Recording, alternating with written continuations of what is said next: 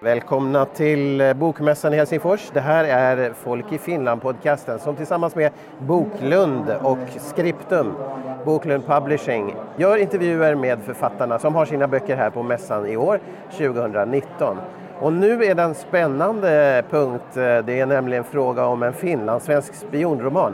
Och den heter Listan och här har vi Kristoffer Wik, välkommen. Tack så mycket. Och du är ju journalist från början. Vi har till och med jobbat på samma bolag här i Finland, Yle. Ja, jag jobbar ju där nästan 20 år och sen efter det slutade jag där för, ja det är nästan 20 år sedan jag slutade och sen blev jag tidningsjournalist och sen hoppade jag av där och sen blev jag företagare. Ja, var, du inte på Röda Korset också? Jag var på Röda Korset också som katastrofarbetare så jag har, jag har gjort några krig och, och, lite jordbävningar och svält och sånt där så jag varit ut på runt om i världen. Så det gjorde jag i, i tre och ett halvt års tid också. Mm. Men ofta när man pratar med mediejournalister som har jobbat i, på radio eller tv så är det ju det här med att börja skriva och det är lite olika. Men du har ju faktiskt jobbat på tidning då. Ja, men då, då skrev jag skrev inte utan jag var, jag var chef så att det där att jag skrev ledare skrev jag och då skrev jag på finska alltså att det var en finsk tidning så att på det viset. Men jag har börjat sakna det här skrivande och därför då för tre år sedan så började jag tänka att nej nu ska jag göra det här. Det var faktiskt min fru som tyckte att nej du har så mycket historia, du har rest om i hela världen och du har sett så mycket intressanta och trevliga människor och allt det där. Att, att sätt dig ner och börja skriva. Men det var inte så lätt att, att, att komma på en idé och, och det tog ganska länge innan man eller innan jag kom på den här idén att, att skriva en spionroman om Kjell Backman då som hamnar ut i, i olika trångmål på grund av att han då har varit i DDR och eh, jobbat där som journalist för att i Finland finns det en lista som heter Titinens lista, jag vet inte om du har hört om den? Nej, men det kan du berätta om, för det tror jag inte vi vet i Sverige alls. Nej, det, det är alltså en lista på människor som misstänks ha haft samröre med DDR. Det är politiker, det är journalister, det är presidenter till och med och så vidare bortåt. Den listan den är då hemligstämplad ända till 2050 och eh, då vill jag lite ta upp den här listan, att hur lätt det kunde vara att man hamnar på den. Och Kjell Backman då som eh, rätt ung journalist åker till DDR, träffar eh, Bernt Skopin och Günther Schwarz som då är alltså på pappret journalister men de facto är då Stasi-agenter. Och men han åker dit i uppdrag som journalist? Han åker dit i uppdrag som journalist, ja. Men eh, i DDR på den tiden så kunde du ju inte göra fri journalistik utan det var ju så att du blev ju hela tiden, eh, ska jag säga, vaktad och så. Allt vad som intervjuobjekten sa det till och med vaktades och så vidare bortåt. Att lätt hade Christer Backman inte i, i DDR på 80-talet. Och, och, du sa att du satt där och funderade på olika idéer och så kom den här idén då. Hur, vad, vad, var det som gjorde att det var den här idén som dök upp? För att enligt din fru hade du många. Eh, jo, alltså jag hade många idéer och, och, och det där och det, det, var så att jag råkade läsa en artikel i Helsingin Sanomat om Titinens lista och, och det där och till saken hör ju att jag, jag själv hann vara i DDR som journalist och, och det där och börjat fabulera i det här då, att tänk om man kunde hitta på någonting fiktivt kring, kring det här. Och, och, och det var där allting började. Och sen Sen eh, just ville jag beskriva det här lilla finlandssvenska samhället, alltså där du kan hamna ut för vad jag brukar kalla för drevet, som han då gör, Kjell Backman, att eh, uh, Säpo ringer på, kommer till redaktionen en dag och chefredaktören där blir väldigt orolig, hej att vår Journalisten är nu uppvaktad av Säpo. Man vill stänga ut honom. Eh, det stora partiet i Svenskfinland stänger ut honom och sen börjar allting krasas sönder. Äktenskap, arbete, allting på samma gång. I det här sammanhanget vill jag också beskriva den här eh, eh klasskillnaden i Svenskfinland som är ganska markant. Att föds du i, i, i rätt klass du behöver inte vara von och av, men att du kommer från, från en klass där det finns pengar och, och så vidare bortåt så är det eh, väldigt sällan man klättrar ner till en mindre klass och samma andra vägen att klättra upp från en mindre klass till en högre klass. Och det är det som Kjell Backman också hamnar ut för att han aldrig blir som riktigt godkänd av hans frus föräldrar och släkt och allt det där för han kommer från en mindre bemedlad klass. Så den här klasskillnaden finns ganska markant i Finland ännu idag och den har alltid funnits. Är det den svensk, i, inom den svenskspråkiga delen eller Ja, inom den framför svenska- allt alltså? Så, Ja. så trots att det är ett så litet eh, samhälle så finns där den här klasskillnaden eh, skillnaden till, menar du? Då? Alltså det, det är nog Svenskfinland jag talar om. Ja, precis. I, i, den, I den finns det nog stora klasskillnader. Att det, det, det, kanske det inte uh, syns så bra i vardagen att det, det är inte bara det att en del kör med Volvo och andra kör med eh, en annan bil utan, utan det handlar om eh, historia, det handlar om mycket. Du ska komma ihåg det att väldigt många släkter i Finland till exempel eh, är släkter som har blivit satta hit av svenska kungen i Ja, tiden. det är ju oftast de vi tänker på.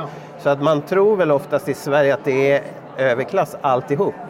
Ja, ja, men, Men så är det ju inte. nej, nej, det är det inte. Att, att ännu idag är det ju så att vi har bönder och arbetare som är finlandssvenskar. Alla är inte eh, rika och, och, och, och, och, och det där eh, väl, eh, välstående. Och, och den där bilden av Svenskfinland är ju den att, att vi alla är rika, vi är framgångsrika, det går bra för oss alla.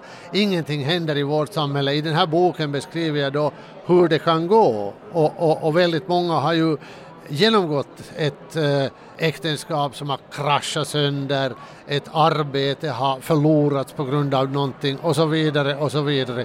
Det är därför jag har som underrubrik här en finlandssvensk roman, att ett finlandssvenskt liv och, och det där och det är någonting kanske man inte alltid vågar prata om, det är lite hysch-hysch över det här utan man ska som man ska dämpa och inte visa utåt hur det egentligen är.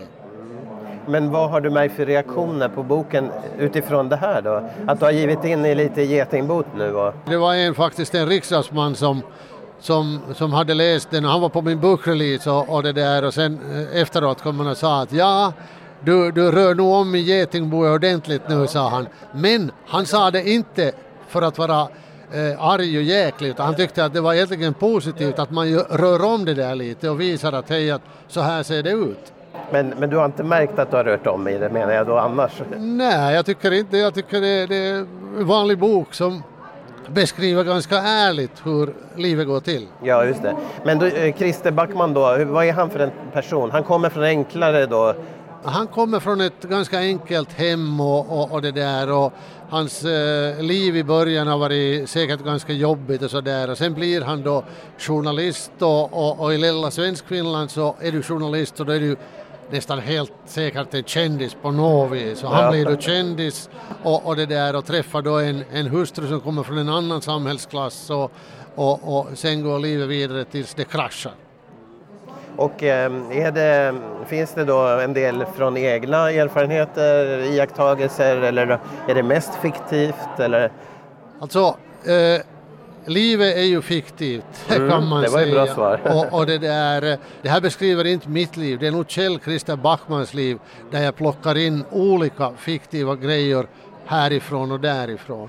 Att ingen av de här personerna som finns i denna bok är en riktig person utan det, det är fiktiva människor. Men det är klart, då jag gjorde upp karaktärerna på de här så då skrev jag upp allas karaktärer, att hurdan är han och hurdan är hon och mycket av det som inte står i boken känner jag ju till. Jag känner ju dem mycket bättre än, än, än bokläsaren gör. Och nu håller jag på då att jobba på den andra boken och då har jag börjat just med Eh, de nya karaktärerna för här är en del som dör i den här boken och inte med längre utan, och hans liv går vidare och då har jag kanske jobbat på ett annorlunda sätt än, än, än jag gjorde i den första boken. Att då jobbar jag mer utgående från intrigen. Nu jobbar jag mer från karaktären. Så jag har under resans gång här lärt mig lite, tror jag, hur man ska göra böcker. Att skriva en sån här skönlitterär fiktiv roman, hur, hur var den processen? Du berättade lite om hur du jobbade där, men hur, hur var den processen alltså? No, alltså det var en lång, jättelång process. Det tog tre år att göra det och, och jag, jag slog huvudet blodigt ibland och jag har skrivit många versioner av den här. Jag har lämnat in tre olika versioner och fått dem tillbaka och, och, och, och det där och lärt mig under vägens eh, gång här hur man borde skriva böcker, för jag hade aldrig skrivit en roman och, vet inte alls hur man, hur man gör det heller egentligen. För, för det är ju någon skillnad mot journalistiskt skrivande det här, eller hur? Absolut, Och vad absolut. är det? Vad handlar det om? Egentligen så är skillnaden den att i, i, i, i journalistiken har du någon form av fakta. Det är ofta för och emot någonting som det handlar om i journalistiken. I, i, i romanskrivande så måste du som skapa det där för och emotet. Utan du måste som hitta på de här konflikterna och, och, och framförallt när du har 300 sidor bok så måste du i, i mitt förmenande ha högt tempo och då måste du ha väldigt många konflikter under loppets gång för att skapa trovärdighet och för att läsarna ska orka läsa din bok. Men likheter finns ju då också.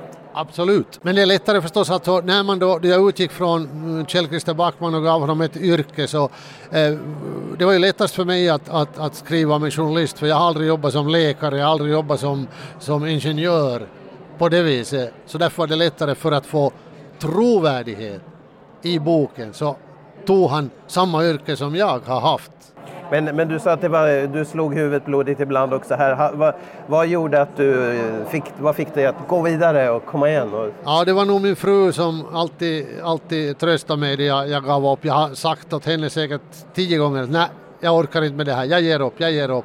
Och hon har alltid fått mig att nej, du måste, du måste och det där. Och, eh, hon skickade mig utomlands att fara en vecka eller två. Och, och, och det gjorde jag. Kunde jag sitta någonstans och skriva och dricka goda rödviner och, och, och, och njuta av livet så, så var det vändningen? ja, ja. ja. Hon ville, hon ville att jag skulle bli klar och, jag var jätteglad nu i sommar då jag blev klar, eller förra våren blev den klar men när den kom ut nu i sommar så Ja, våren 2019 var. Ja. Mm. Men när, när den blev accepterad, hur kändes det? Hur var det då? Jag var ju jättenervös då när den kom ut att hur den skulle tas emot och, och, och det där när jag sen började få eh, telefonsamtal och till och med på gatan i Vasa kom folk emot som inte känner och säger hej fan vilken bra bok du har skrivit.